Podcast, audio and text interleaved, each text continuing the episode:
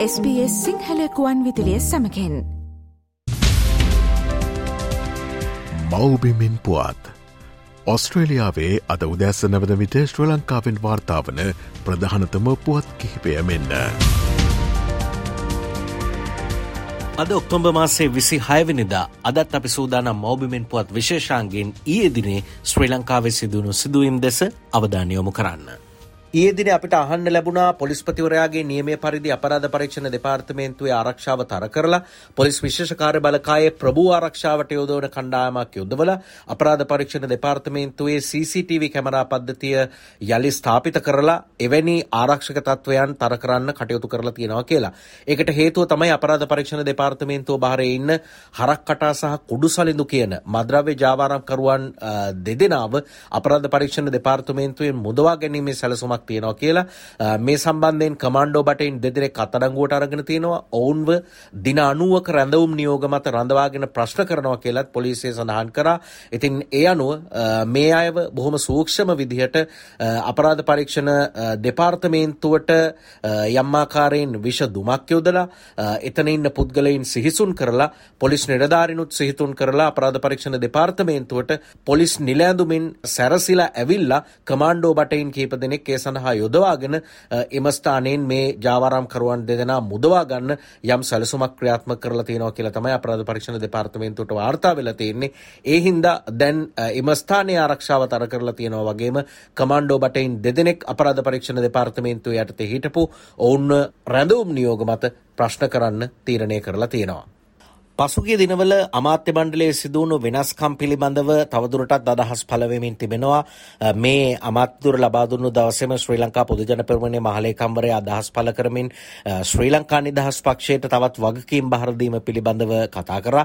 ඒ අනුව පොහොට්ටුවයි ශ්‍රී ලංකා නිදහස් පක්ෂයයි මේ යම් වාග් ඇවිලිල්ලකද ඉන්නේ කියන එක සමාජය තුලින් ප්‍රශ්න කරන්න පටන් ගත්තා. ඒ අනුව අද මාධ්‍යවේදීන් නාමල් රාජපක්ෂ මන්ත්‍රීවරයාගෙන් ඒ පිළිබඳ විමසපු වෙලාවේ මේ ආණ්ඩුව ක්‍රියාත්මක වන ආකාරය ජනාධිපතිවරයා කටයුතු කරන ආකාරය සහ ඉදිරිය සම්බන්ධයෙන් නාමල් රාජපක්ෂ මන්ත්‍රීවරයා අදහස් පළ කලා අපි බලමු මොනවද එහිදී මේ කාරණා පිළිබඳව ඔහු පළ කරපු අදහස් කියලා. සාමාන්‍යයෙන් සන්දාන දේශපාලනයේදී එහෙම නැත්නම් අපි එකට ආණ්ඩු කරනකොට ඒ ආණ්ඩුවේ යම් තීන්දුව තීරණයක් ගන්නව නම් ඒ ආණ්ඩුවේ ප්‍රධානීන් සාකච්ඡා කරලා පක්ෂ නායකයන් එක්ක සාකච්ඡා කරලා තමයි තීන්දුව තීරණ ගන්න. ඉතින් පහුගිය කාලේ ගත්තු සමහර තීන්දුවවලදී ශ්‍රී ලංකා පොත්ජන පෙරමුණේ සහභාගීත්වය නැත්නම් මතය ප්‍රකාශ වුණේ නැහැ කියන විශ්වාසය පක්ෂ මහලේකම් ඇතුළු මේ පක්ෂයේ බොහෝ අයට තියෙනවා. ඒ අනුව පැනනගිච්ච ප්‍රශ්නයක් මත තමයි මම හිතන්නේ මේ කාරණාවල අද මේ ශ්‍රී ලංකා නිදහස් පක්ෂයත් පොත්ජන පෙරමුණත් අතර තියෙන ගැටුමක් කියලා පෙන්වන්න උත්සාහ කරන හැබැයි අපි කිසි කෙනෙක්ට අපි සහෝදර පක්ෂ අතර අපිට ගැටලුවක් නැහැ. අපි රනිල් වික්‍රමසිංහ ජනාධිපතිතුමාට පමණක් නෙවෙයි. අපි සජිත් ප්‍රේමදාස මහත්තයාට ආරාධනා කරා ඒ වෙලාවේ. සරත් ෆොන්සේක මහත්තයාට ආරාධනා කරා. අනුර කුමාර දිසානායක මහත්තයාට ආරාධනා කරා. අපි රනිල් වික්‍රමසිංහ මහත්මයා තමයි බාරගත්තේ. ඉතින් අපි එතුමාට ඒ ගෞරවය දෙනවා. හැබැයි එතුමත් තේරුම් ගත යුතුයි පරිණත දේශපාලඥයෙක් විදිහට සන්දාන දේශපාලනයේ කටයුතු කරනකොට ඒ සන්දාන එක්ක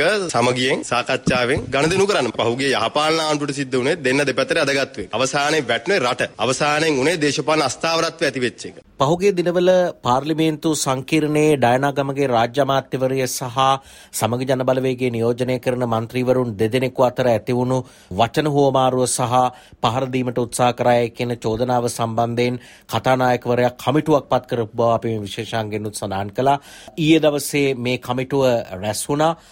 ඒ අනුව ඔවුන් තීරණය කරලා තියෙනවා මේ සිද්ධියට අදාළව පාර්ලිමේන්තුවේ CCTV දර්ශන නිරීක්ෂණය කරන්න කොමුණත් ඒ සම්බන්ධයෙන් පර්යේෂණ කටයුතු ඉදිරියට කරගෙන යන්න මන්ත්‍රීවරයන් දෙදෙනෙකුගේ සහය ලබා ගන්න වගේම ඉදිරියේදී මේ සඳහා සම්බන්ධ වුණු පුද්ගලයින් සහ සාක්ෂිකරුවක විදියට පියල් නිශාන්ත රාජ්‍ය අමාත්‍යවරයාත් ඒත ඒ ස්ථානයේ ඉඳපු බව මේ වීඩියෝ දර්ශනවල සඳහන් වෙනවා.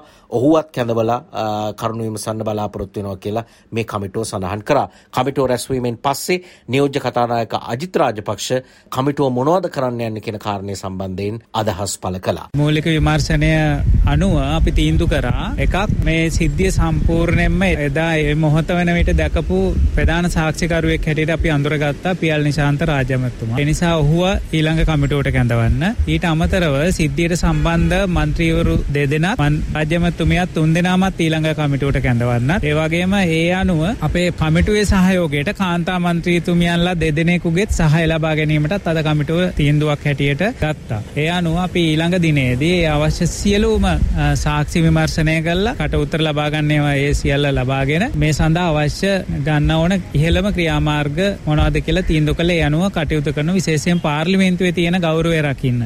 පසුගිය කාලේ ඉන්දියාව සහ චීනය මැදිහත්ව අදහස් සුවමාරුවුණු චීනයේ ෂයන් සික්ස් නෞකාව ඊය දවසේ කොළඹ වරායට ඇවිල්ල තියෙනවා.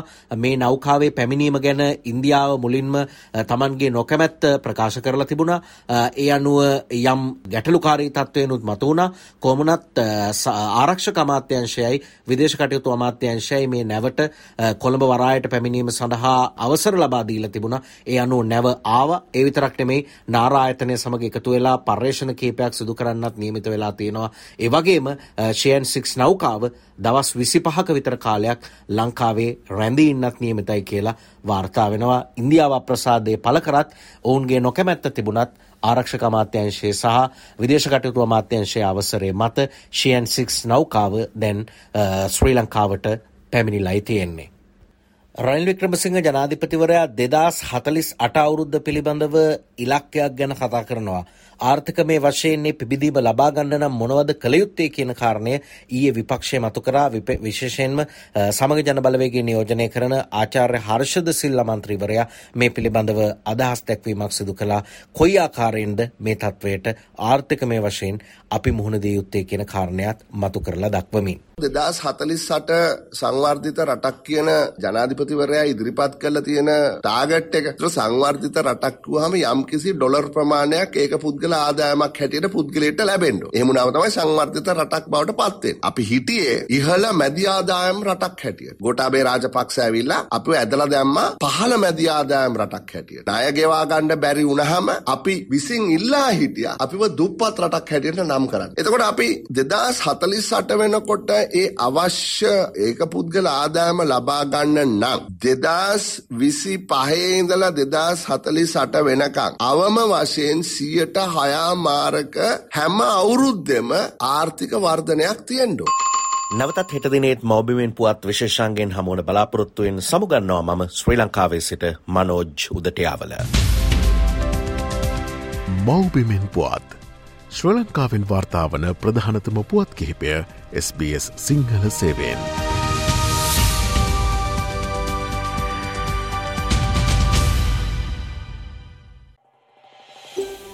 මේ වගේ තවත්තොරතුරු දැනගන්න කැමතිද. එහමනම් Apple podcast Google podcast Spotify ඔබගේ පොඩ්කාස්ට ලබාගන්න ඕනෑ මමාතයකින් අපට සවන්දය හැකේ.